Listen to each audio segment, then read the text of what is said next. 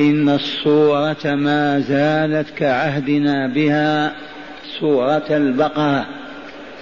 وإن الآيات المباركات التي نستعين الله تعالى على تفسيرها وفهم معانيها سائلين الله عز وجل أن يرزقنا الاهتداء بهديها والعمل بها.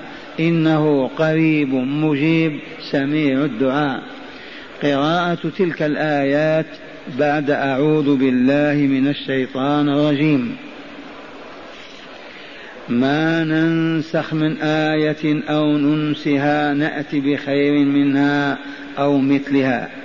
ألم تعلم أن الله على كل شيء قدير؟ ألم تعلم أن الله له ملك السماوات والأرض وما لكم من دون الله من ولي ولا نصير؟ أم تريدون أن تسألوا رسولكم كما سئل موسى من قبل؟ ومن يتبدل الكفر بالإيمان فقد ضل سواء السبيل. معاشر المستمعين والمستمعات من المؤمنين والمؤمنات. ما زالت الآيات في تقريع وتأديب بني عمنا بني إسرائيل اليهود. ما لك تنظر إلي؟ ما استسغت بنو عمنا؟ هم أولاد إسحاق ونحن أولاد إسماعيل. ما حسدون إلا أنهم بنو عمنا. قالوا كيف ينتقل الوحي والرسالة والنبوة إلى أولاد إسماعيل ويحرم منها بنو إسرائيل؟ ومن تدبير الله عز وجل أن القرآن لما كان ينزل بهذه الديار كان اليهود موجودين بالمدينة وفي الحجاز ليتم ما أراد الله من فضحهم وكشف ستائهم وبيان مكرهم وخداعهم. أرأيتم لو كانوا غير موجودين في المدينة والقرآن ينزل؟ فسبحان الله العظيم. والله إنه لتدبير العليم الحكيم. إذا قوله تعالى ما ننسخ من آية أو ننسها نمحها من قلب رسولنا نأتي بخير منها أو مثلها. قالت اليهود النسخ لا وجود له في شرع الله.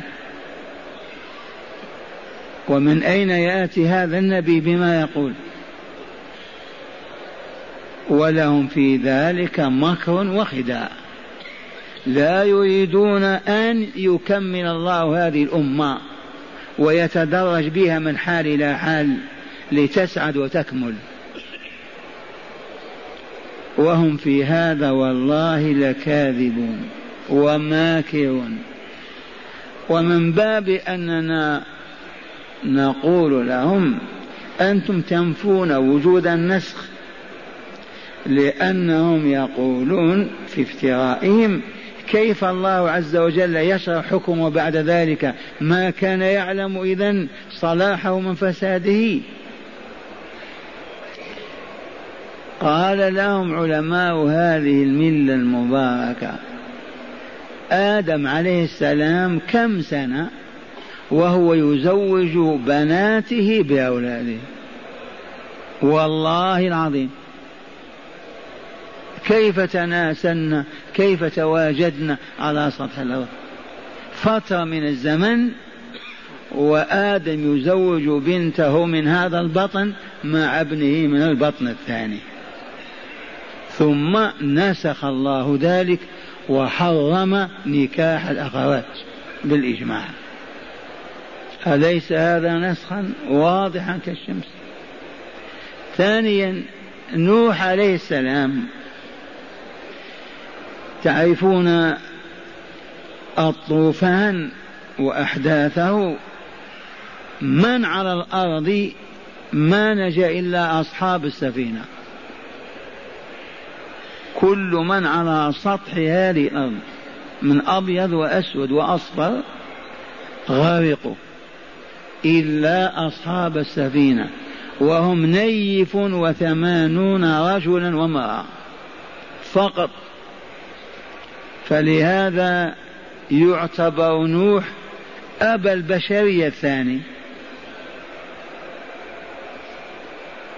آدم تناسل مع حواء ونوح مع تلك الزمرة المعدودة المحدودة في سفينة.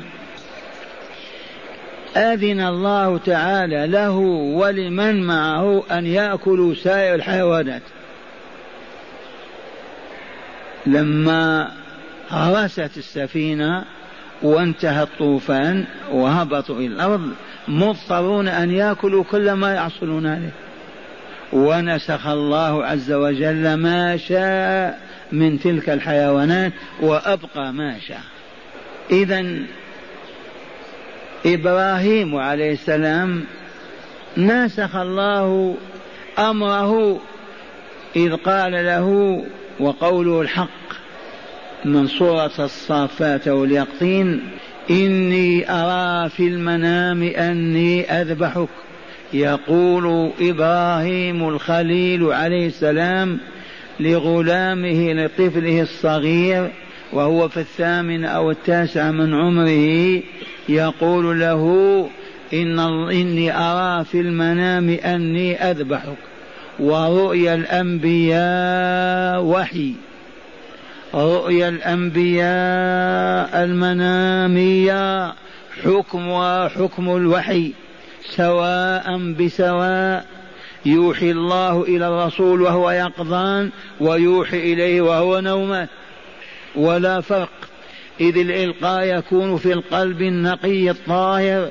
جهاز يتلقى سواء كان صاحبه نائما أو كان يقظان. فانظر ماذا ترى يا إسماعيل. فبما أجاب ذاك الطفل النوراني ابن هاجر القبطية المصرية. بما أجاب قال يا أبت افعل ما تؤمر. ما قال افعل ما تريد افعل ما تحب. لا افعل ما تؤمر به. إذا أمرك سيدك بذبح فاذبحني. وإذا أمر سيدك بإبعاد فأبعدني افعل ما تؤمر ستجدني إن شاء الله من الصابرين هذا هو الغلام الذكي الذكي الطاهر النقي لأنه من شجرة مباركة. هاجر. حفظنا لها كلمة لو نجمع جامعيات نساء العالم والله ما وقفنا هذا الموقف. لما الشيخ ينكت على الجامعيات؟ ما تعرفون لما؟ لأننا ذقنا المرار وما زلنا نتجرع الآلام من خروج النساء وسفورهن. ووظائفهن واختلاطهن بالفحول خمت الدنيا وتعفنت بالفجور. ما هذه الكلمة لعل بعض الزوار ما سمعها يعود بها ككنز ثمين. لما أمر إبراهيم عليه السلام بأن ينقل هاجر وطفلها إسماعيل من القدس إلى مكة. بأمر الله. والسر في ذلك أو العلة أن سارة عليها السلام مرت إبراهيم وبنت عمه كانت ما تلد. عاقر أو عقيم. فلما تسر إبراهيم هاجر التي وهبته إياها هاجر. من أين لها سارة من أين لها هاجر؟ أعطاها إياه ملك مصر. لما شاهد الآيات الإلهية ما كان منه إلا أن أكرمها من جملة ما أكرمها به أعطاها خادم تخدمها. وكانت الخادم هاجر أم إسماعيل. فوهبتها له يتسراها الآن ما يعرفون التسري ما هو. المعروف الزنا. أما التسري فيه أين الإيماء؟ أين الجهاد؟ لا شيء. التسري أن يكون للفحل جارية خادمة رقيقة مستعبدة سواء أخذها من نصيبه في الغزو والفتح أو اشترى أو ورثها. فهذه الجارية الخادمة من لطف الله من رحمة الله من إحسان الله إلى عباده. أن أذن لمن يملكها أن يحسن فراشها وثيابها ويقلل من خدمتها ويطأها. عسى أن تلد له ولدا. تصبح أم ولد. من يعرف هذا الكمال وهذا التشريع سوى الله؟ فأهدتها إبراهيم فتسرها فأنجبت إسماعيل. والغيرة أو الغيرة إن شئتم قولوا بالعام هي غيرة النساء معروفة. يا شيخ حتى في الرجال. أخذت الغيرة كيف هي الحرة هي موت النبي كذا ما تلد وقلبه متمزق على الولد وهذه بنت أمس تلد ما أطاقت أن ترى هذا الولد ولا أمه. فألهم إبراهيم أو أوحي إليه أن ينقلها إلى جبال فاران إلى الوادي الأمين. فأخذها وطفلها وكانت هاجة تعفي الأثر حتى لا تعرف صار من أين ذهبوا إلى أين ذهبوا ودخل وادي مكة وما به عريب ولا أنيس. جبال فقط. ووضعها وطفلها ومعها زاد لا يتسع لأكثر من ثلاث أيام خبز جراب في خبز وآنية فيه ماء فيها ماء وتركهما. أين تركهما؟ ما تعرفون حجر إسماعيل ثم وقفل راجعا. لما تجاوز مسافة عشر خطوات عشرين نادته. آه الله أمرك بهذا يا إبراهيم؟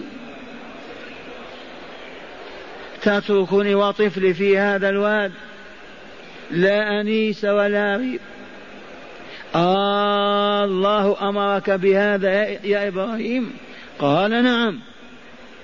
قالت إذا فاذهب فإنه لا يضيعنا. أعطوني مومن من هذا النوع. اذهب روح فإنه لا يضيعنا. هذه هي هاجر أم إسماعيل. هل نملك هذا المعتقد؟ هذا النور في قلوبنا. يرشد أحدنا إلى ترك معصية. يقول مع الأسف الظروف والأحوال والعيش والحياة كيف نترك هذا؟ أين التوكل على الله؟ يا شيخ لا تلمنا. إننا ما عرفنا الله. من حدثنا عنه؟ من عرفنا به؟ نجلس العشرين وثلاثين سنة في المقاهي والملاهي ومجالس الكلام. ما نتحدث يوما عن الله. كيف نعرف الله؟ إذا أستغفر الله لي ولكم. وهذا هذه هاجر أم إسماعيل. إذا ونعود إلى النسخ إذ قال إبراهيم للغلام الصغير يا إسماعيل إني أرى في المنام أني أذبحك. قال فانظر ماذا ترى. قال يا بت افعل ما تؤمر. ما تؤمر؟ سبحان الله. إبراهيم النبي الرسول يؤمر. ما يستطيع يفعل من رأيه أبدا. هل يستطيع أحد منا لو كنا مسلمين أن يعمل شيئا برأيه؟ والله ما يستطيع لا بد من أمر الله عز وجل في كتابه أو على لسان رسوله. جل أفعالنا. لا نقول ولا نتكلم ولا ننام ولا نأكل ولا نشرب ولا نبيع ولا نشتري ولا نتزوج ولا نطلق إلا بأوامر. لعلي واهم والله كما تعلمون. تستطيع أن تأكل بدون إذن الله؟ كل الخنزير اذا والجيفه تستطيع أن تبني بدون ما حاجة إلى البناء؟ والله ما كان. وهكذا. تتزوج بدون حاجة؟ تطلق بدون ضرورة؟ ما عندنا عمل يصدر عن غير تعليم الله ورسوله إذا وشاء الله وخرج به من بيت هاجر. يمشي معه ودع أمه. نستودعكم الله إلى منى حيث يرى قدام وجملته وحسنته. هذا لله. وانتهى به إلى منى واعترضه العدو الألد الخصم المبين إبليس في جمرة العقبة. يا حجاج تعرفونها. الجمرة الكبرى. وقال أي إبراهيم ماذا تفعل بهذا الغلام؟ تذبح فلذة كبدك الله يأمر بهذا. ارجع بابنك خير لك. وعرف. ورماه بسبع حصيات. فبقيت لنا إلى اليوم. ما شاء فاعترضه عند الجمر الوسطى. أي إبراهيم يا خليل الرحمن ربك في غنى عن هذا الغلام. كيف تذبحه؟ فطرده حتى الجمرة الأخيرة ثلاث مرات. وإبراهيم ثابت موقن أن الله أمره وعرف العدو من هو. وانتهى إلى مكان الذبح عند مسجد الخيف. وتله للجبين. صرع على جبينه. والمدي في يده. بسم الله. وضعها وقفت. تحول الحديد إلى حطب. وناديناه أن يا إبراهيم والتفت وإذا بجبريل ومعه كبش سمين جميل ذبيح خذ هذا واترك هذا. وفديناه بذبح عظيم وتركنا عليه في الآخرين سلام على إبراهيم. كذلك نجزي المحسنين لا المسيئين. في أعمالهم وأقوالهم وحياتهم. هذا نسخ أمره أن يذبح وإلا لا؟ وخرج لأداء أمر الله ثم شاء الله أن ينسخ. لما امتحن وبرز إبراهيم وظهر لأنه يتهيأ للإمامة الكبرى قال وفديناه بذبح عظيم. أينسى هذا اليهود والله لا يعرفونه. إلا أنهم يتبجحون ويقولون الذبيح إسحاق. ما هو إسماعيل؟ عناد. ومكابرة اسمها إسحاق, إسحاق ما وجد بعده. إذا هذا نسخ وإلا لا؟ كيف يجهله اليهود؟ ما يجهلون يا شيخ يعاندون يريدون إطفاء نور الله لزعزعة القلوب. والإيمان فيها بين المؤمنين. عادوا هذا لأنهم كانوا يتكلمون لسان العرب ويعيشون معهم. الآن إذا لم تخالطهم وتتكلم بلسانهم قد ما تعرف عنهم شيئا. لكن الصفات والنعوت التي نعتها الله فيهم موجودة بالحرف الواحد. لمن خالطهم ومارس الحياة معهم. إذا فبطل ما ادعوه وافتروه وكذبوه وثبت أن لله أن ينسخ ما يشاء وها تعالى قد أنزل هذه الآيات فالرد عليهم وقال ما ننسخ من آية أو ننسها أي نمحها من قلب نبينا نأتي بخير منها أو مثلها نأتي بخير منها مصلحة وفائدة وكمال ورقي للأمة أو بخير منها. إذا وعندنا ما يلي. أولا فيه النسخ من أصعب إلى أسهل وأيسر. لأن الدين ما نزل في وعاء واحد في يوم واحد. هذا دين التربية والرقي بالإنسان والكمال. فكان شرع الله عز وجل ثلاثة وعشرين سنة وهو ينزل. إذا فيما شرع الله للمؤمنين لما أذن لهم بالقتال بعد أن لم يأذن لهم سنوات. فلما تواجدوا وتكاملوا وقويت شوكتهم أذن للذين يقاتلون بأنهم ظلموا. وكان القتال ممنوعا. إذا ونزل قول الله تعالى من سورة الأنفال إن يكن منكم عشرون صابرون يغلبوا مئتين. وإن يكن منكم مئة يغلب ألفا. فانظر هذه النسبة. الواحد بعشرة يجب أن تثبت أمام عشرة. مئة منا أيها المؤمنون لا يحل أن يثروا أو ينهزموا أمام ألف من الكفار مهما كان شأنهم. وهذا لأن المسلمين كانوا أقلية. وكان الإيمان غير مجرى الحياة. وكانوا أقوياء.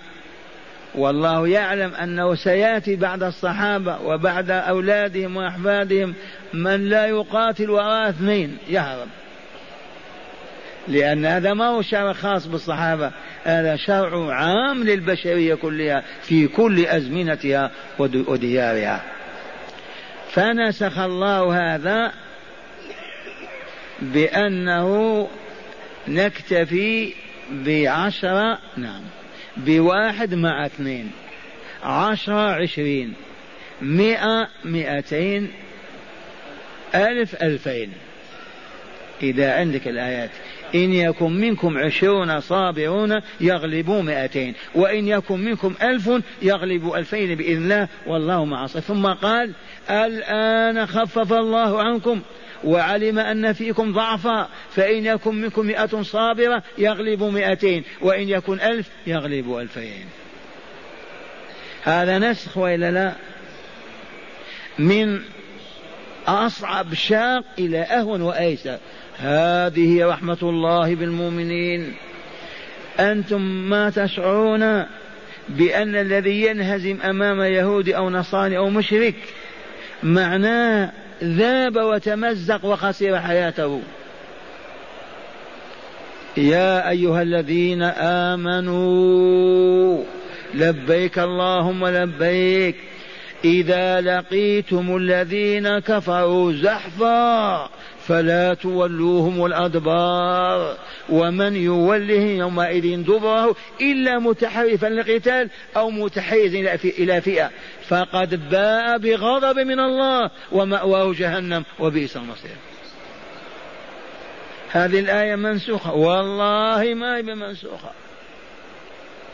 أعيدها. يا أيها الذين آمنوا إذا لقيتم الذين كفروا زحفا أي زاحفين وجه للوجه. فلا تولوهم الأدبار. لا تعطوهم ظهوركم وتهربون.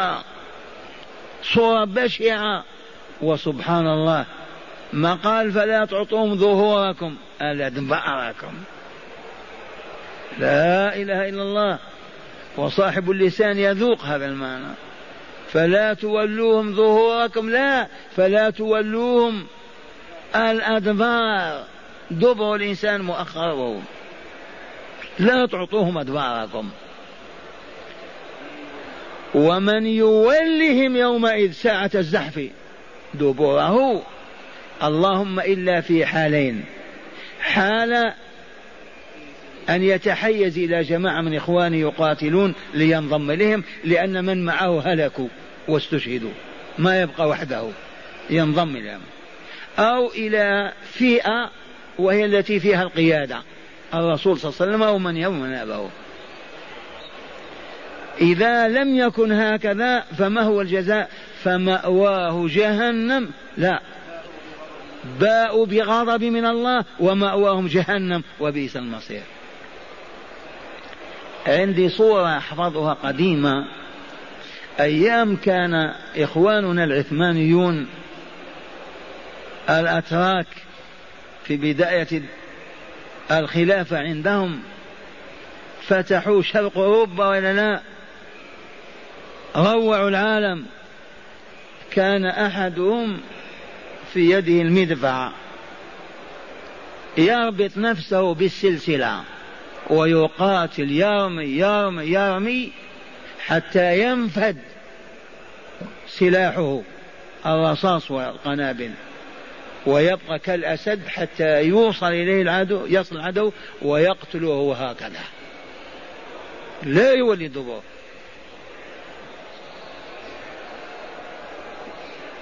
لأن الذي يعطي العدو دبر ويهرب حسبه ما حكم الله به عليه راجع بغضب إلى بيته الذي هرب إليه.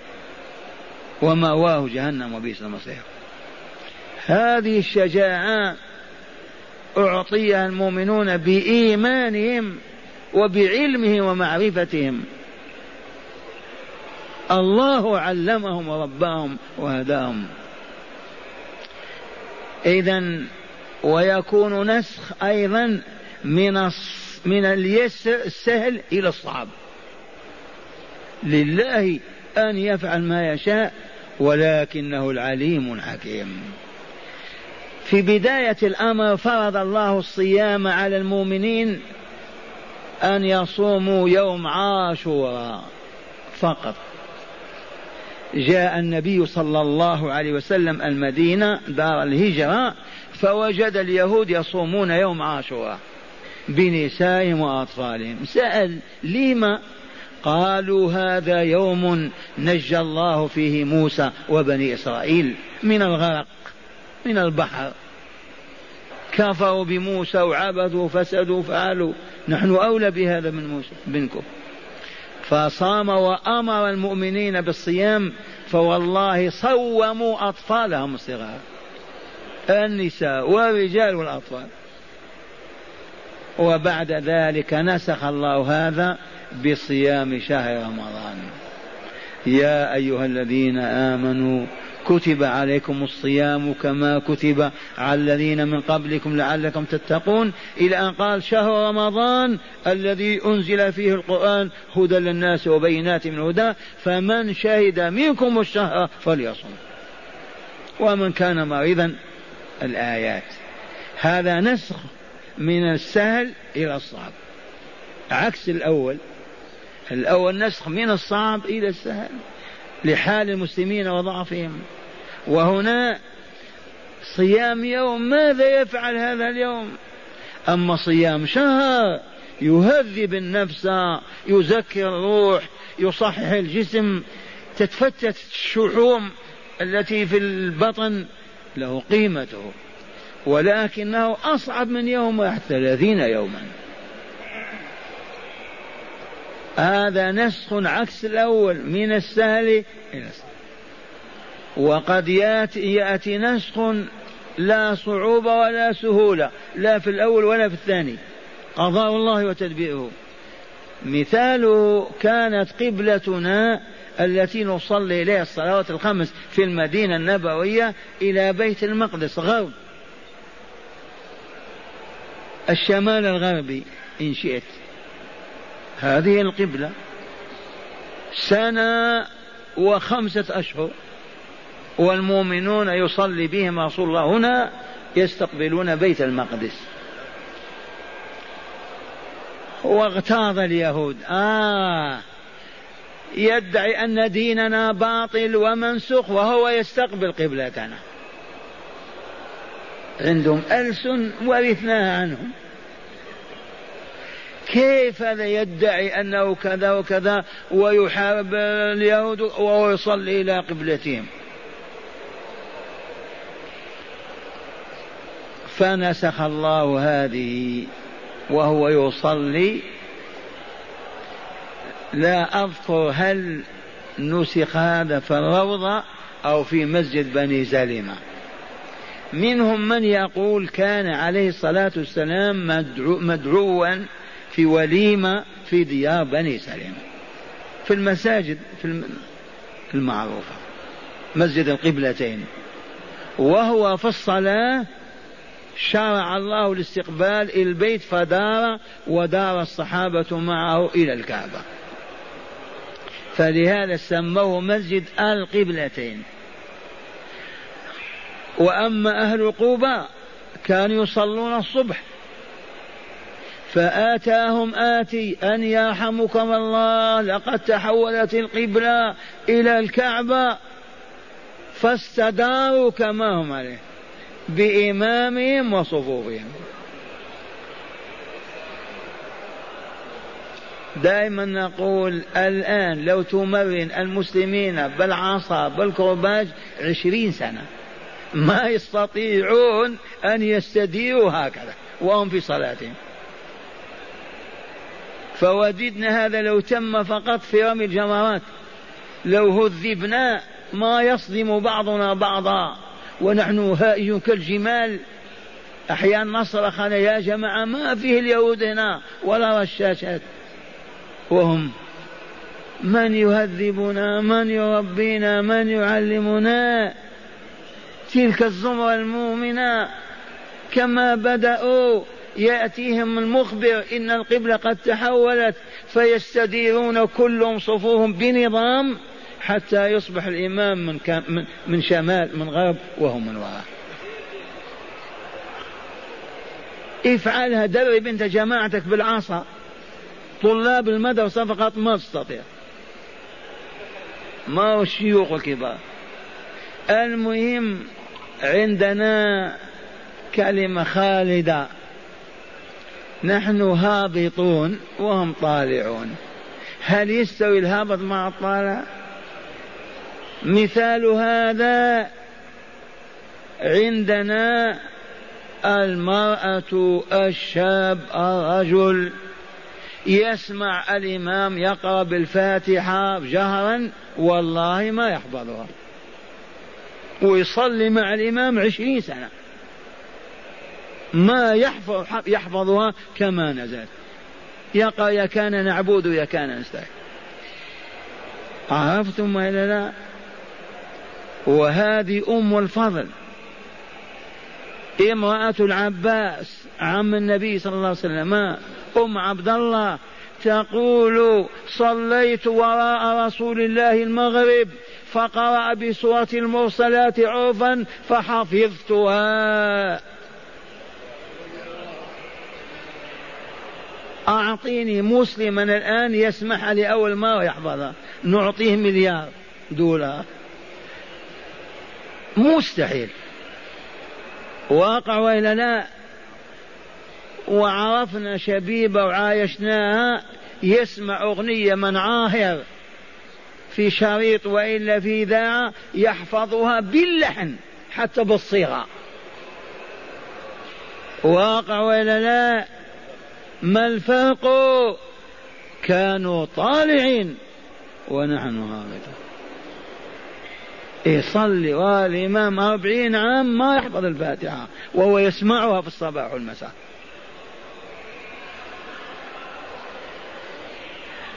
لم هذا العلة عرفناها كما عرفنا أنفسنا أنهم جهلونا وأبعدونا عن الروح الإله فمتنا القرآن يقرأ على الموتى وإلا لا القرآن يقرأ على الموتى أو على الأحياء. تدخل مدينة من المدن تمر في أزقة ضيقة تسمع القرآن. اعلم أن ميتا هنا. لا يجتمعون إلا على القرآن للميت ولن تجد من يقول لك أي بني أو يا أخي تعال أسمعني شيئا من القرآن. أنا عشت سبعين سنة ما رأيت إلا واحد. فقط. رحمة الله عليه. سمع هذا كلام من رباني صار يأتي يقول يا أبا بكر سمعني شيء من القرآن. أقرأ عليه وهكذا عرفتم هذا أنتم؟ أبدا ما في.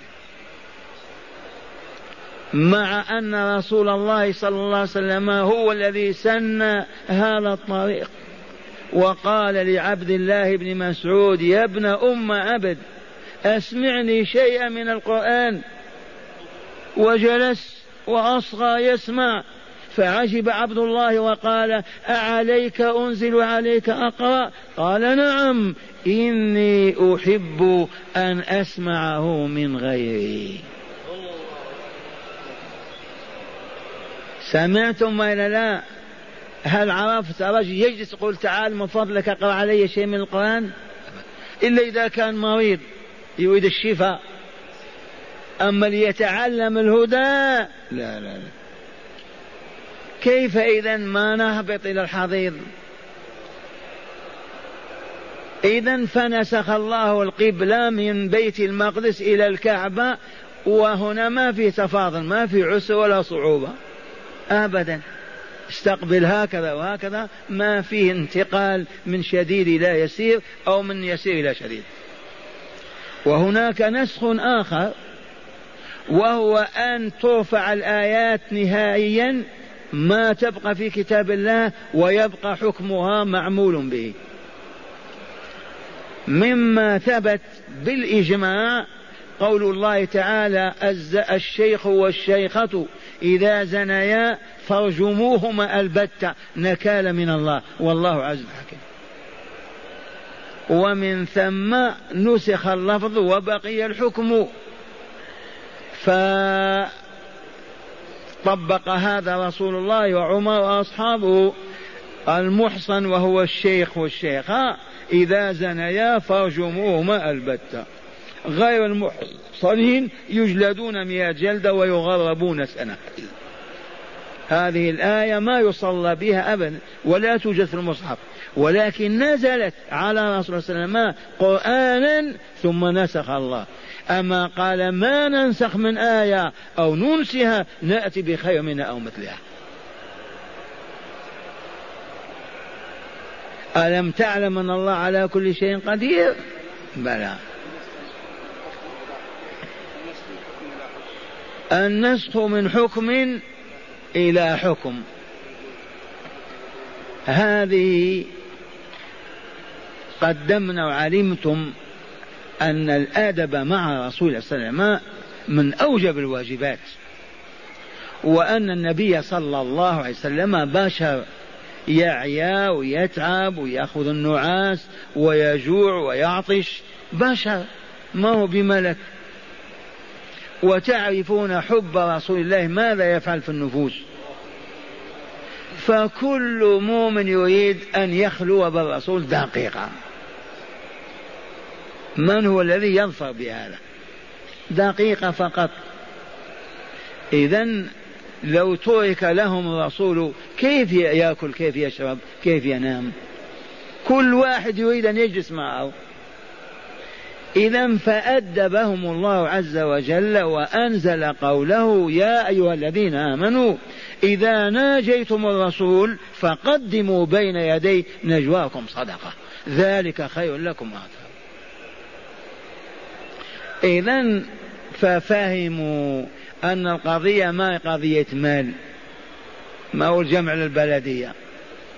هذه قضية إيجاد وقت للرسول صلى الله عليه وسلم ينام فيه أو يأكل فيه أو يستريح ما هو كل واحد معه. فلما فهموا عرفوا ما أصبح من يقدم على أن يتكلم الرسول سرا. ويروى أن أول من فعل هذا وهو الأخير والأول علي رضي الله عنه. تصدق بصدقة وجاء قرع الباب على الرسول صلى الله عليه وسلم. مر فجأة نزلت الآية فنسخت هذا. إذ قال تعالى فإن لم لا أشفقتم أن تقدموا بين يدي نجواكم صدقة. فإن لم تفعلوا وتاب الله عليكم الآية فنسخ الله الحكم الأول بالثاني. يفعل ما يشاء ويحكم ما يريد. هذه أمثلة وغيرها كثير والآن مع قول ربنا تعالى ما ننسخ من آية أو ننسها ينسيها الرسول. سنقرئك فلا تنسى. نعم وإذا أراد أن ينسي ما قرأه يفعل ما يشاء. نأتي بخير منها أو مثلها. وعلل لذلك بقول ألم تعلم يا رسولنا أيها العاقل يا من يسمع ألم تعلم أن الله على كل شيء قدير؟ بلى من من المؤمنين لا يعرف هذا؟ ما يصعب على الله ابدا ويعز عليه أن يستبدل حكم بحكم أو صوره بصوره آية آية يفعل ما يشاء وهو على كل شيء قدير. ولكن اعلم أنه لا يشرع إلا من أجل إكمال الإنسان وإسعاده. إن كان واجبات فلتزكية نفسه وتطهيرها وإن كان نهي عن موبقات وآثام فمن أجل الإبقاء على ذلك الطهر والصفاء حتى لا يتلوث. هذا الأصل. وفي نفس الوقت ما شرع الله أمر أمر به إلا وفيه فائدة لجسم الإنسان لماله لعقله لحريمه لحياته. والله الذي لا إله غيره. ما شرع الله شرعا لا أمر بأمر ولا نهى عنه إلا لصالح الآدمي المؤمن. وتتبع تجد الآثار واضحة كالشمس. السائل يسأل ونحن لا نملك إلا أن نقول الله أعلم. يقول الذبح الذي فدى الله به إسماعيل وذبحه إبراهيم أكل منه وولده وهاجر وإلى ماذا فعل؟ نقول الله أعلم. ما نستطيع أن نقول عن الله ما لم نسمع عن الله ولا أن نقول عن رسول الله ما لم يصح الحديث عن رسول الله. لأننا أوتينا نصف العلم في كلمة الله أعلم. وأن تقولوا على الله ما لا تعلمون. وهذا علم لا ينفع أيضا وجهالة لا تضر. إن قلنا أكل أنت الآن مأمور أن تقود طفلك لتذبحه ثم تترك وبعد ذلك ما تأكل؟ هذا انتهى. علم لا ينفع وجهالة لا تضر. وهذا أيضا من أيام هبوطنا. المسألة الواحدة في الوضوء تتشعب عندهم عشر سنين. من يوم ما وضعنا السلاح وأقبلنا على الدنيا وجدت هذه الصراعات. لما كنا مشغولين بالعروج إلى السماء والملكوت الأعلى ما في فراغ. قال تعالى ألم تعلم أن الله له ملك السماوات والأرض؟ بلى. له ملك كل مملوك في السماء والأرض لله. إذا يعطي يمنع يرفع يضع يعز يذل يقدم ملكه. أيجوز أن تعترض؟ إذا هذه صفعة لليهود. تعترضون على الله. ألم تعلم أن الله له ملك السماوات والأرض؟ وما دام له ملك السماوات والأرض أنت لما تطلب امرأة يا قاموس تتزوجها. تقول يا رسول الله أنا في حماك أنا في بلدك أنا بين يديك ادعو الله لي. يجوز يعني الرسول يملك؟ وهذا يا سيدي عبد القادر يا راعي الحمراء أنا كذا. لا يطلب شيء من غير الله. لما هذا يا شيخ؟ بلغنا أن كل مملوك له تطلب من المالك أو ممن ليس له ملك. أنت بهلول. خريبة ما فيها ساكن ولا ساكنة ولا شيء. ولك السائل يا للدار إني جائع أنا ظمآن أنا كذا. يصيح. ما في خريب واحد أبدا. يأمر به أخونا ويسكت. خلي. حرام عليه يقول من ما في أحد. طول الليل وتنتصخ ما في البيت أحد. أقصد بيت فيه ناس يسمعون. هذا مثل حالتنا. تجد الرجل العالم يأمر بأخيه عند الحسين وإلا فاطمة وإلا يا سيدي يبكي يصرخ يطلب.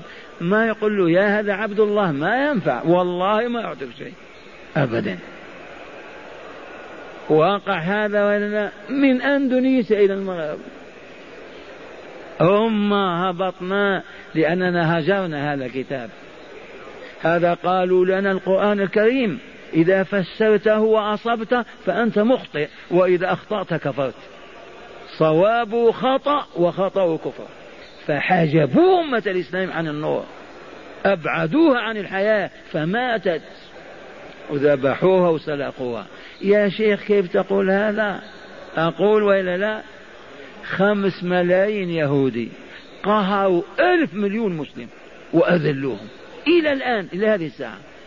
واقع هذا ولا أو نحن نايمون؟ ألف مليون.